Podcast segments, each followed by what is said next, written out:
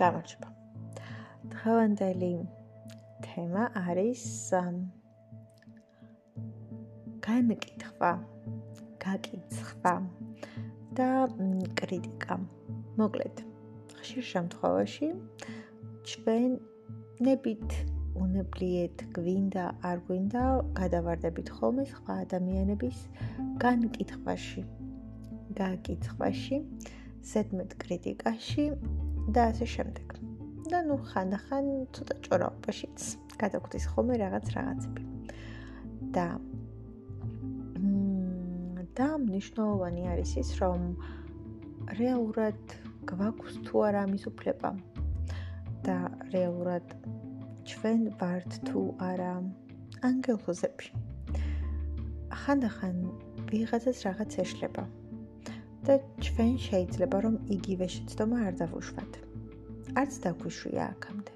მაგრამ ანგელოზები არც ჩვენ არ ვართ. შეიძლება იგივე შეცდომა არ დაგვიშვია, მაგრამ დაგვიშვია სხვა რაღაც შეცდომა. რაც შეიძლება არანაკლები იყოს. ან თუ ასეთი სიმძიმის შეცდომა არ მოგსვლია აქამდე, არც ეს არ ნიშნავს იმას, რომ ანგელოზები. და კიდევ არ ვეთანხმები ზოგადად იმ ფრაზებს, ну, პირველი გამოცდილებითაც, რომ მე ამას არასოდეს ვიზამ და ამას არასოდეს გავაკეთებ. იმიტომ რომ მგონია რომ რამდენჯერაც ამას ვიტყვით, ზუსტად იმას ვაკეთებთ. მე ყოველ შემთხვევაში ასე მემართებოდა ძალიან ხშირად. ამიტომაც ვისწავლე რომ არასოდეს, საერთოდ არასოდეს არ უნდა თქვა არასოდეს. და ეს არ არის უბრალოდ ფრაზა, არამედ ძალიან გამოცდილი და რეალური ფრაზაა, იმიტომ რომ ზუსტად რაზეც ვამბობთ, რომ მე ამას არასოდეს ვიზამდი და არასოდეს გავაკეთებდი, არ ვიცი ცხოვრება, მოვლენები, სიტუაციები, გარემოებები თუ რა, მაგრამ ზუსტად იმ მდგომარეობაში ან სიტუაციაში ვარდებით რაღაცა პერიოდის მერე, რომ ზუსტად იგივეს თუ არა და იმავეს თუ არა და ვიცი ხანდახან უარესსაც კი ვაკეთებთ. ასე რომ იმის თქმა რომ მე ამას არ ვიზამ და არ გავაკეთებ და არც გავაკეთებ, მგონია რომ აა მგონია რომ ყველაზე დიდი შეცდომა, იმიტომ რომ დიახაც, ჩვენ ზუსტად იგივე რაღაცას ვაკეთებთ ხანდახან უფრო მეტსაც კი. და ესეც ერთგვარი ერთგვარი გაკიცხვა არის ადამიანის იმ კუთხით, რომ აი მე როგორი კარგი ვარ და მე ამას არასოდეს ვიზამდი ან ვიკადრებდი ან გავაკეთებდი და უიმე ის როგორი ცუდია ეს რო გააკეთა. ჩვენ არ ვიცით როდის რას გავაკეთებთ, როდის რას ვიზამთ და როდის რას მოვიმოქმედებთ. ხშირ შემთხვევაში ჩვენ თავადაც არ ვიცით საკუთარ თავზე ბევრი რამ. იქამდე მაინც სანამ ჩვენ არ აღმოჩნდებით იმავე სიტუაციაში, იმავე მდგომარეობაში და კრიტიკულ მომენტში ვინ რას გააკეთებს და როგორ მოიქცევა. საბოლოო ჯამში არ ვიცით შეიძლება ჩვენ ძალიან კარგად ვიცნობთ საკუთარ თავს. თუმცა მგონია რომ არის ალბათ 1 და 2% რომელსაც ვერასოდეს გათვლი და განსაზღვრავ იმიტომ რომ აი როგორ მოვიქცევით ძალიან ძალიან კრიტიკულ მომენტში ხანდახან ჩვენც არ ვიცით. ზოგჯერ ადამიანი იმდენად არ გავს საკუთარ თავს რომ ამაზე ვერ იმშელებ. და ხო არ ვეთანხმები იმას, როდესაც ადამიანები ერთმანეთს განიკითხავენ და განსჭიან. რომ აი ეს როგორ ქნა, ის როგორ ქნა, ეს როგორ გააკეთა, ეს როგორ იკადრა. არ ვიცი. ძალიან რთულია რაღაცები ესე განიხილო, განსაჯო, განსაზღვრო. და მხოლოდ ჩენი გადმოსახედიდან უყურო ყველაფერს. ჩვენ არ ყოფილვართ იმ ადამიანის ადგილას. ჩვენ არ ყოფილვართ იმ მდგომარეობაში. ჩვენ არ გამოგვივლია ის ყველაფერი. ჩვენ არ გამოგვივლია იგივე გზა. ჩვენ არ მდგარვართ მის ნაცვლად და ჩვენ არ გვქონია ის გრძნობები, ემოციები და არ გვიგრძნია ის ყველაფერი, რაც მან უკვე იგრძნო და გამოიარა. შესაბამისად ძალიან ძალიან უსამართლობა არის ხანდახან და უბრალოდ მხოლოდ რაციონალური და გონებით განსჯა არის იმ ყველაფრის, რასაც განსჯით. და ჩვენ როგორ მოვიქცეოდით ეგეც კი არ ვიცით, იმიტომ რომ ჩვენ არ გამოგვულია ეს ყველაფერი. მან იგრძნო, მან გამოიარა ემოციურად და მან გააკეთა ის ყველაფერი, რაც გააკეთა. მან მიიღო ის გადაწყვეტილებები, რა გადაწყვეტილებებიც მიიღო. მას სურდა რომ ასე მოქცეულიყო და მას უღირდა რომ ასე მოქცეულიყო.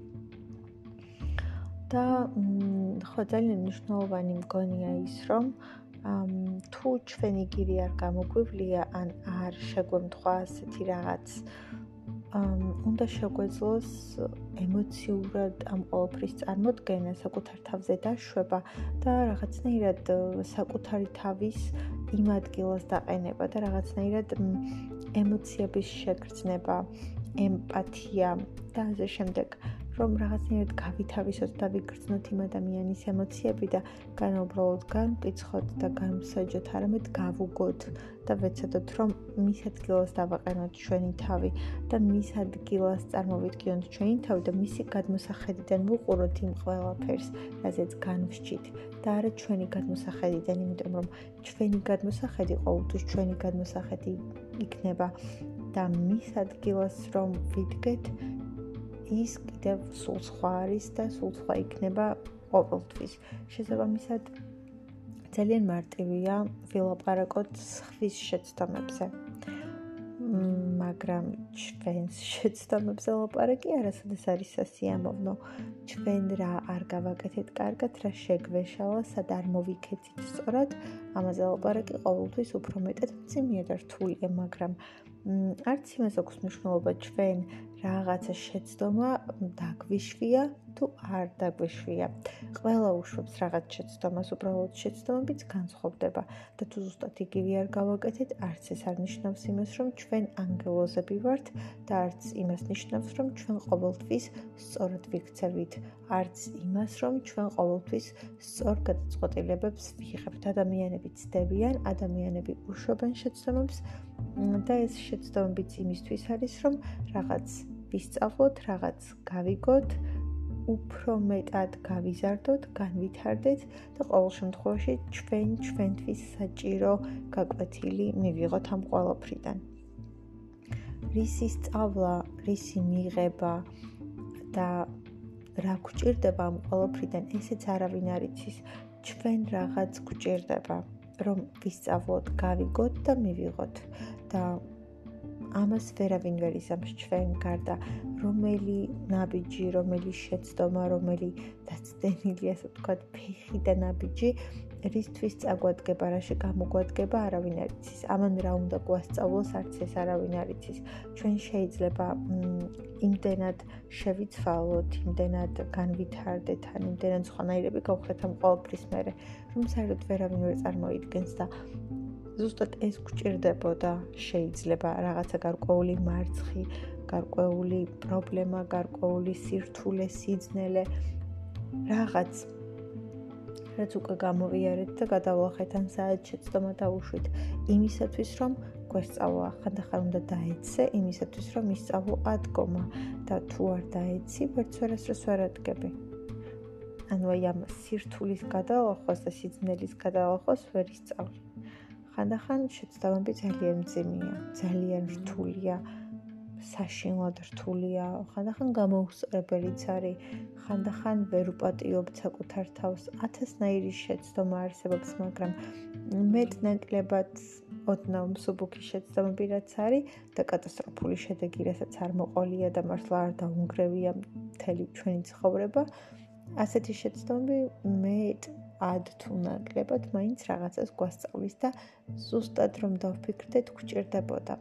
ხანდახან თუ თვალს გადავავლებთ, იმასაც მიხვდებით, რომ რომ არა ეს ყველაფერი, რომ არა ის მარცხი, რომ არა ის შეცდომა, რომ არა ის წარუმატებლობა, ჩვენ აქამდე ვერ მოვიდოდით, ვერ გავიზრდებოდით და უბრალოდ ყოველთვის დავრჩებოდით პატარა ბავშვად, რომელმაც არაფერი არ იცის, რომელსაც არაფერი არ შეუძლია და ხანდახან შეცდომები და მარცხი გუმატებს ძალას, გუმატებს უფრო მეტ თავდაჯერებულობას და უფრო მეტად მткиცე მყარი და სხვანაირი ვხდებით, ვიდრე იქამდე ვიყავით. შესაბამისად, ჩვენ ეს ყველაფერი გვჭირდებოდა. და რაში გვჭირდება და რატომ გვჭირდება, ეს ალბათ არავინ არ იცის და ძალიან რთულია ძალიან რთულია რომ ამაზე ზუსტი პასუხი გქონდეს. ამისათვის უნდა გაიარო ცხოვრება, ამისათვის უნდა გაიარო გზა, უნდა ნახო, უნდა იგრძნო, უნდა შეიგრძნო და ათასი რამ უნდა მოხდეს შენს ცხოვრებაში, რომ ზუსტი პასუხები გქონდეს. ძალიან უნდა დაშორდე იმ ყველაფერს, ძალიან უნდა დაშორდე იმ მოვლენებს. და ხანდახან თითოეულმა მოვლენამ რაღაცამდე უნდა მიგვიყვანოს და ეს გვჭირდება, ეს ჩვენთვის საჭირო არის.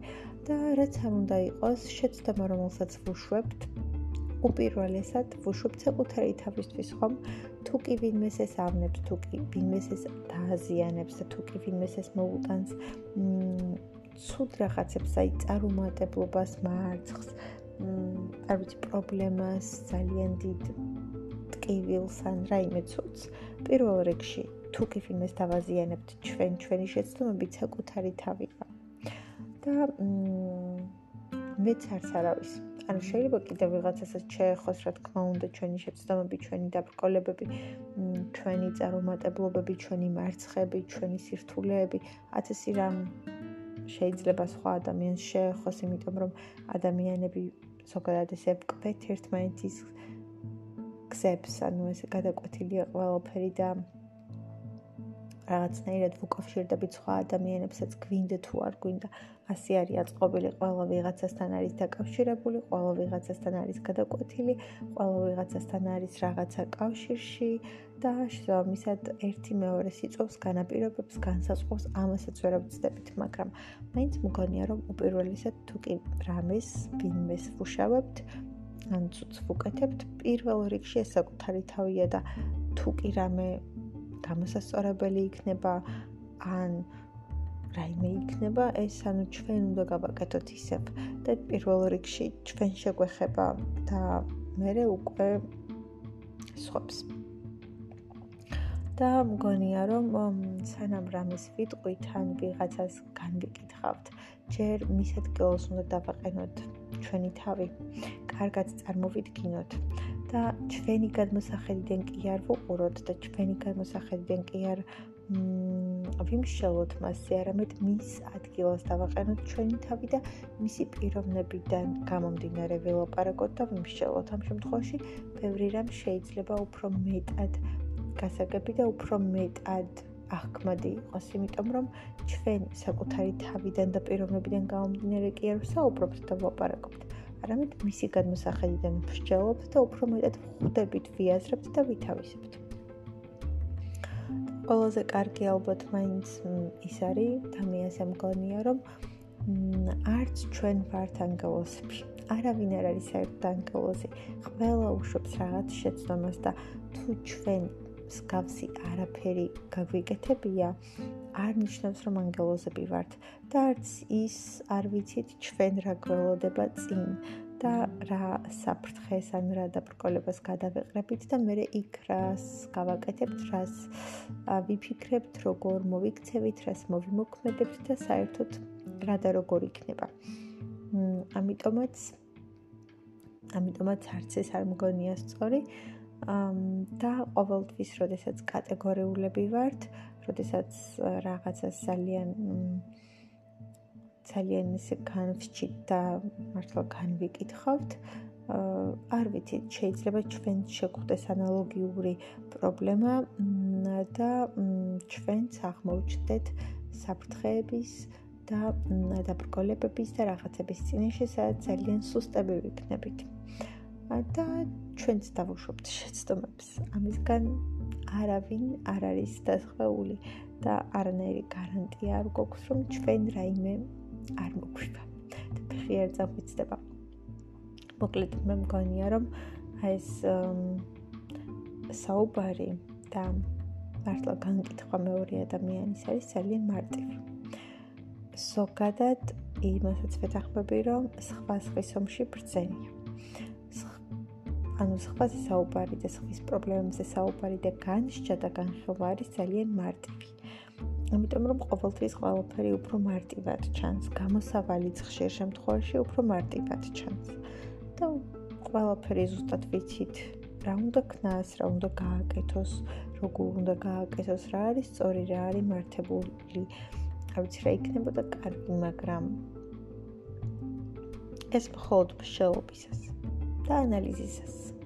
მაგრამ რეალურად იმ ადამიანის ნაცვლად თუ მართლა დავაყენებთ თავს და თუ იმ ადამიანის ადგილას წარმოვიდგენთ თავს, შეიძლება ეს ყველაფერი არც ასე მარტივი არ იყოს. და ხშირ შემთხვევაში ხდება ისეც, რომ ბევრი რამ სათქმელად არის ძალიან მარტივი. და ეს რო ფიქრობ, ძალიან მარტივია, მაგრამ რეალურად უკვე ცხოვრებაში და რეალობაში გასაკეთებლად არის ძალიან ძალიან რთული და ძალიან დიდი გამოწვევაა, რომ ეს ყველაფერი გააკეთო. აქედან გამომდინარე, სათქმელად ყველაფერი ძალიან ძალიან მარტივია, მაგრამ გასაკეთებლად არის ძალიან რთული. და უპირველესი რაც მე გონია არის ის, რომ ყოველთვის უნდა დავაყენოთ თავი იმ მეორე ადამიანი მეორე ადამიანის ადგილას.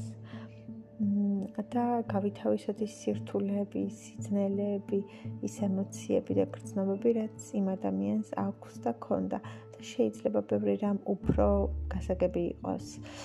და კიდევ ჩვენ არ ვიცით ის ადამიანი რას გადის რა უჭირს, რა სტკივა. მისთვის ეს ყველაფერი რამდენად რთულია, რა მიიყვანა აქამდე, რა დაუშვა ეს შეცდომა. ან წარმოიდგენდა თუ არა ამ ყველაფერს. და ჩვენ რეალურად არ ვიცით მართლა მას როგორ უჭირს და რას გადის ემოციურად. მისთვის ეს ყველაფერი რამდენად მძიმეა, რამდენად რთულია, რამდენად მტკივნეულია და რამდენად ემოციურია. აა და რამდენად ზარდობს ნერვიულობს და განიცდის ამ ყველაფერს და ამიტომაც ხშირად საუბარი და ლაპარაკი უფრო მეტად რთულია. კი არა მარტივია და მის ადგილას დაყენება თავის და რაღაცების გამოსწორება ბევრად უფრო რთულია. ამიტომაც კარგი იქნება თუ ვიფიქრებთ ხოლმე იმ ადამიანზეც და იმაზეც რას გრძნობს ან რა შეიძლება რომ გრძნობდეს რა ემოციები შეიძლება ჰქონდეს და უფრო მეტად ვიფიქროთ იმაზე როგორ დავეხმაროთ და როგორ დავუდგეთ გვერდით და არა იმაზე როგორ განვიკითხოთ და როგორ განვსაჯოთ ყოველი მისი ნაბიჯი ყოველი მისი შეცდომა და აი როგორი როგორი მიუღებელია მაგალითად ეს ყველაფერი და უფრო მეტი მიმხებლობა აქვს კონდეს და უფრო მეტი დახმარების სურვილი ვიდრე ის რომ უი ეს როგორ და ის როგორ და ასე შემდეგ